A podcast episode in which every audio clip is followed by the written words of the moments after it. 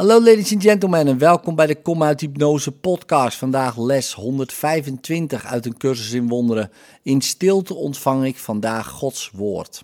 Laat deze dag er een zijn van stilheid en van rustig luisteren. Je vader wil dat je zijn woord hoort vandaag. Hij roept jou toe vanuit de diepte van je denkgeest waar hij vertoeft. Hoor hem vandaag. Geen vrede is er mogelijk zolang zijn woord niet overal ter wereld wordt gehoord. Zolang jouw denkgeest niet in stil luisteren de boodschap aanvaardt die de wereld moet horen om de stille tijd van vrede in te luiden.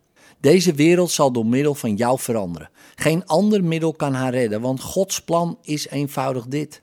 De Zoon van God is vrij zichzelf te verlossen, omdat hem het woord van God gegeven is als zijn gids, voor eeuwig in zijn denkgeest en aan zijn zijde, om hem met zekerheid naar zijn vaders huis te leiden. Krachten zijn eigen wil, eeuwig vrij zoals die van God. Hij wordt niet door dwang geleid, alleen door liefde. Hij wordt niet geoordeeld, maar alleen geheiligd. In stilheid zullen we vandaag Gods stem horen, zonder inmenging van onze kleine gedachten, zonder onze persoonlijke verlangens en zonder enige beoordeling van Zijn heilig woord. We zullen onszelf niet oordelen vandaag, want wat wij zijn kan niet worden geoordeeld.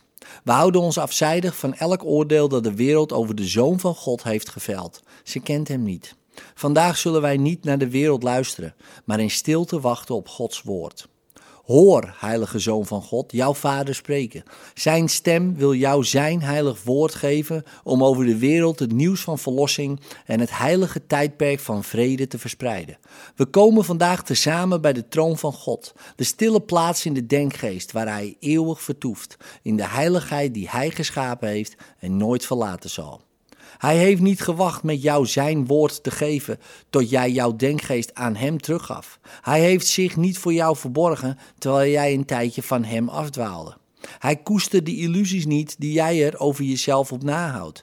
Hij kent zijn zoon en wil dat hij deel van hem blijft, ongeacht diens dromen, ongeacht diens dwaze overtuiging dat zijn wil niet van hemzelf is. Vandaag spreekt Hij tot jou. Zijn stem wacht op jouw stilte, want Zijn woord kan niet worden gehoord voordat jouw denkgeest een poosje stil is en zinloze verlangens tot bedaren zijn gebracht. Wacht in rust op Zijn woord. Er is een vrede in jou waarop je vandaag een beroep kunt doen om je hoogst heilige denkgeest klaar te maken om de stem te horen die namens Zijn Schepper spreekt.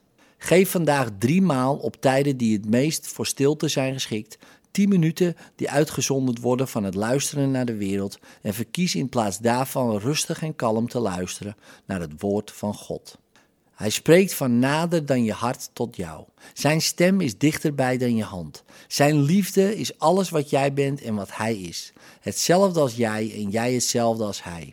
Het is jouw stem waarnaar je luistert wanneer Hij tot jou spreekt. Het is jouw woord dat Hij spreekt. Het is het woord van vrijheid en vrede, van eenheid van wil en doel, zonder enige afgescheidenheid of oneenigheid in de ene denkgeest van vader en van zoon. Luister in stilte naar jezelf vandaag. En laat Hij jou vertellen dat God zijn zoon nooit verlaten heeft en jij nooit jezelf. Wees alleen maar stil.